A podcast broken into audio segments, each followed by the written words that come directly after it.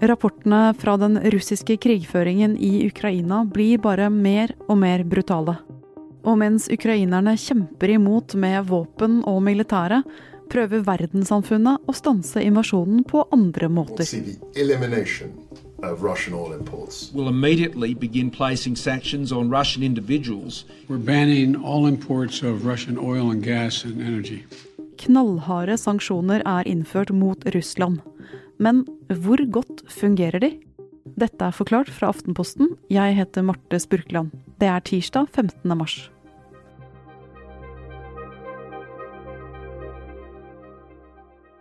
Når man innfører sanksjoner mot et land, så ønsker man jo å få landet til å endre atferd. Benedicte Bull er statsviter og professor ved Senter for utvikling og miljø ved Universitetet i Oslo. Denne endringen kan bestå i eh, at man ønsker at de skal legge ned et atomvåpenprogram, som i tilfelle Iran, stoppe en krig som det vi ser nå. Men ofte så har det jo også dreid seg om rett og slett å få et land til å Altså, man ønsker regimeskifte.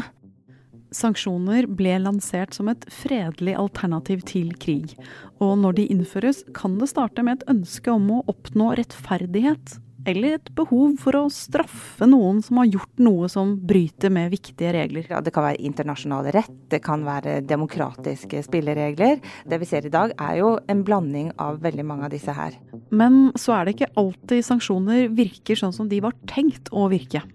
Benedicte Bull har sett på Venezuela, et land som har hatt sanksjoner mot seg i lang tid, og mener at vi nå har noe å lære derfra.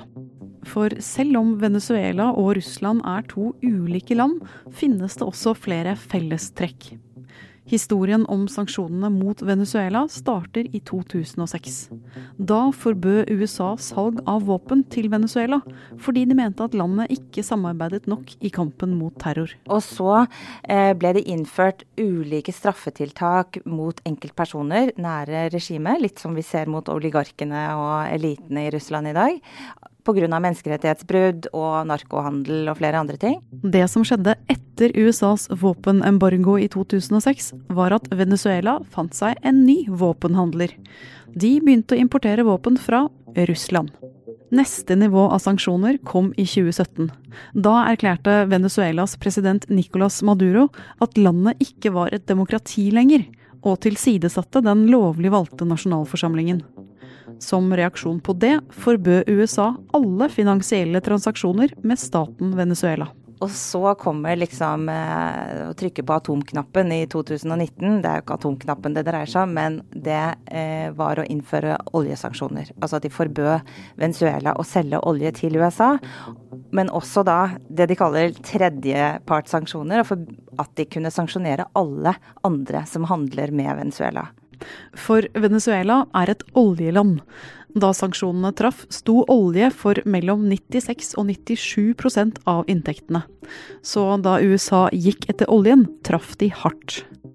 Benedicte, hvordan har det gått med Venezuela og president Maduro etter disse sanksjonene? Ja, Det første som skjedde var jo at man var allerede i en kjempestor krise, eh, økonomisk eh, og politisk, men den ble mye verre. Inflasjonen, som da var veldig høy, gikk over til å være hyperinflasjon. Det betyr at det er over 1000% i året.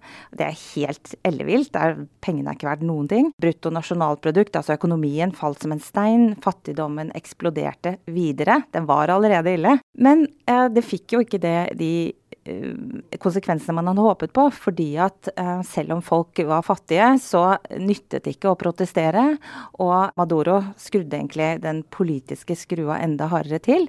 Og sitter nå tryggere i makten enn han har gjort tidligere. Russland er også et oljeland, og Russland er også styrt av en autoritær leder som bestemmer det aller meste selv. Likhetstrekk som disse gjør at noen av de samme følgene av sanksjoner mot Venezuela kan bli følger i Russland. Benedicte, hvordan rammet sanksjonene folk flest i Venezuela? Det første var jo at det hadde en negativ effekt på den humanitære situasjonen. Det eh, ble innført unntak for å kunne få inn medisiner og mat, men likevel så hadde det en effekt på det. Og det er jo kanskje det aller viktigste, altså. Eh, at folk overlever og hvordan de har det. Men det fikk også den effekten at næringslivet i Venezuela sleit veldig. Og de var jo egentlig i opposisjon mot Maduro-regimet. De var jo egentlig ikke sanksjonert. altså det var staten man forbød handel med. Men men er du en bank eller en bedrift et eller annet sted, og så ser du Venezuela, så vil du ikke ha noe med det å gjøre, for du er redd for å selv bli utsatt for sanksjonene fra eh, USA. Og det er jo det samme som vi ser i dag. Og det gjorde at opposisjonen ble egentlig enda mer splittet og svekket eh, på mange måter av sanksjonene. Og så kunne jo Maduro da si at, eh, påstå at det var sanksjonene som hadde skyld i den økonomiske krisa, selv om den egentlig begynte lenge før, og regimet selv hadde hoveddelen av skylden. Det som kan bli en uønsket effekt av økonomiske sanksjoner, er at landene som sanksjoneres, finner seg nye allianser med land som også har lagt seg ut med verdenssamfunnet. Nettopp dette gjorde Venezuela. Man etablerte mye tettere bånd til Russland, til eh, Iran, Syria, Tyrkia. Alle andre land som selv er utsatt for sanksjoner. Og jo flere land som på en måte da finner sammen eh, utenfor den etablerte verdensøkonomien, jo større trussel blir det jo egentlig mot verdensøkonomien i seg selv. Nå, 20 dager inn i den russiske invasjonen av Ukraina, er det ikke så lett å si hva sanksjonene mot Russland fører til. Det store spørsmålet er kanskje blir det flest ønskede eller uønskede effekter? Kommer Vestens sanksjoner til å tvinge fram endring hos Putin og i Russland, eller kan de gjøre vondt verre?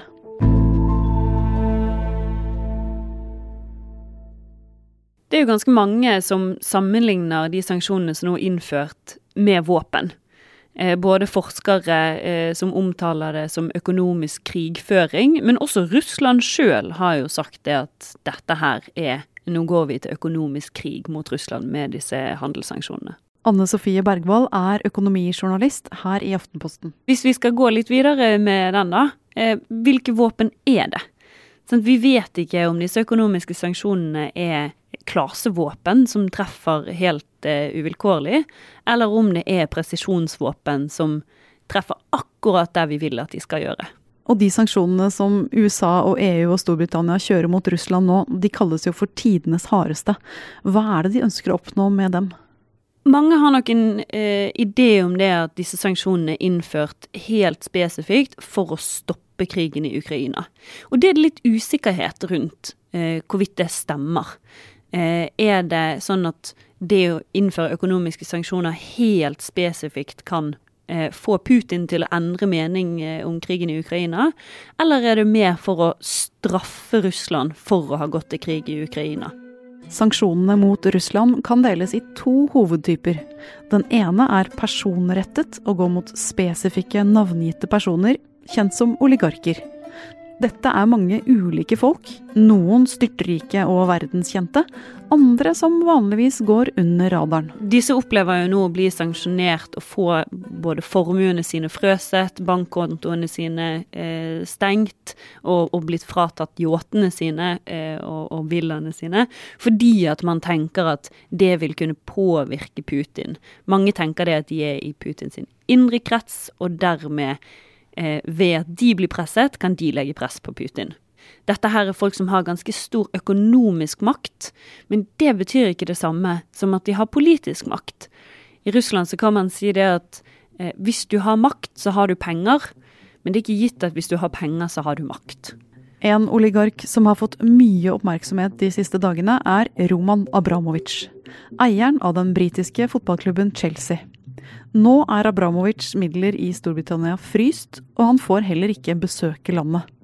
Det påvirker økonomien til fotballklubben, som nå f.eks.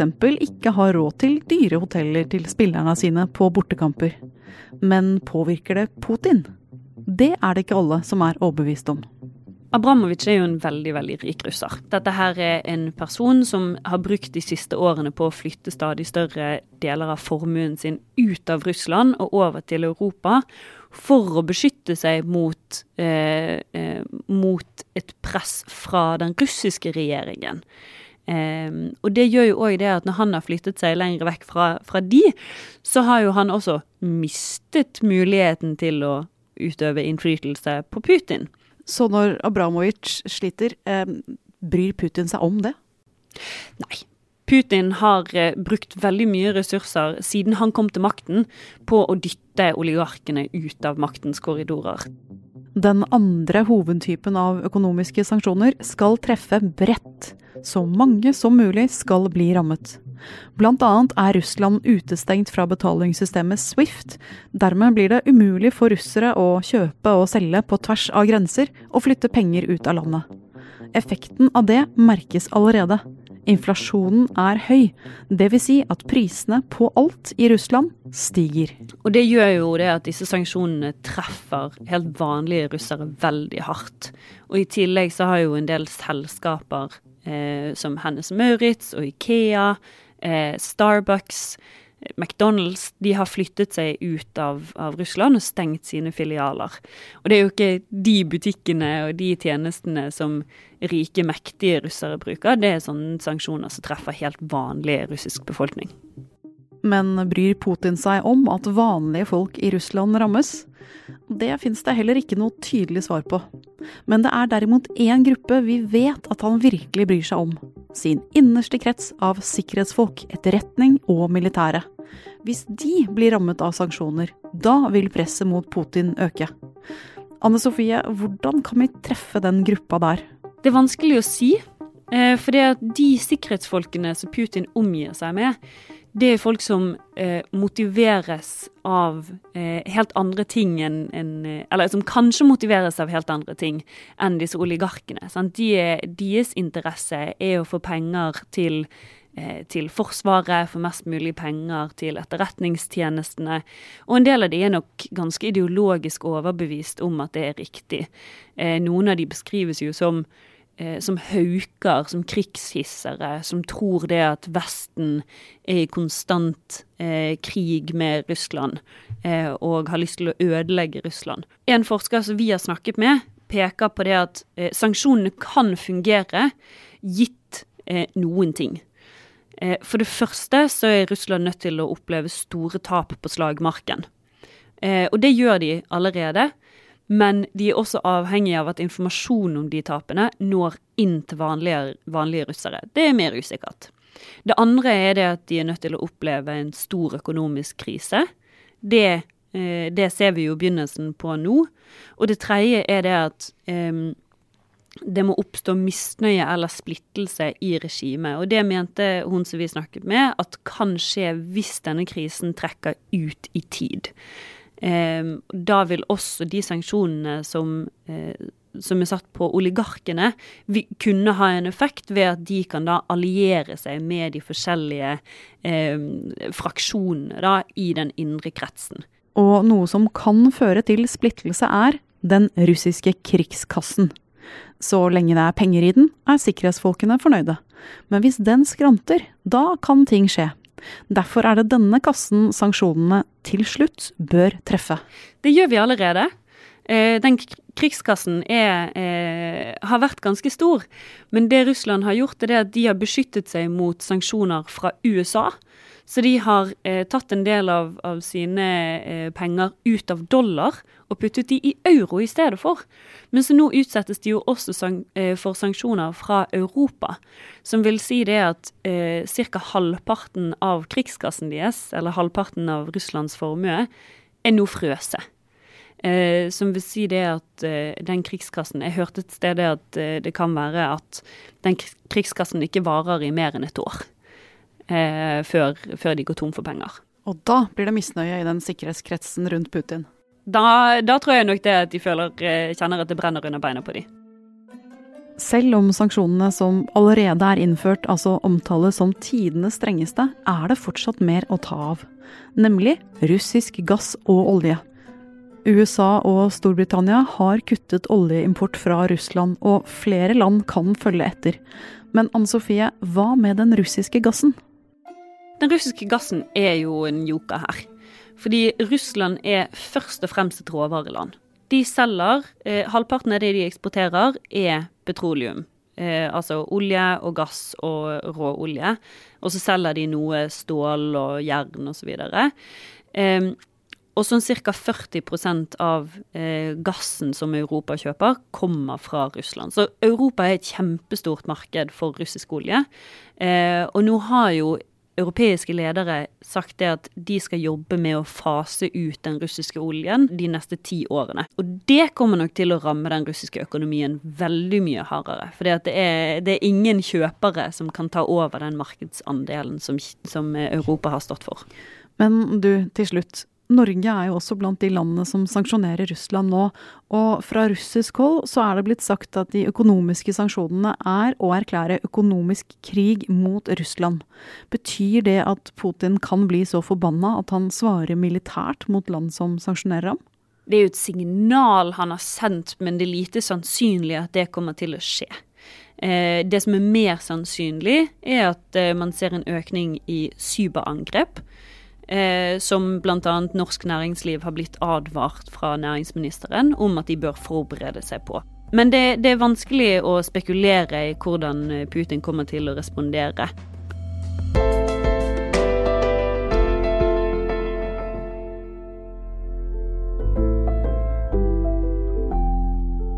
Du har hørt Benedicte Bull og Anne Sofie Bergvold om sanksjoner. Denne episoden er laget av produsent Jenny Førland og meg, Marte Spurkland. Vi har brukt lyd fra AP og Euronews. Resten av Forklart er Synne Søhol, Anne Lindholm, David Bekoni, Fride Næssen Onsdag og Anders Weberg.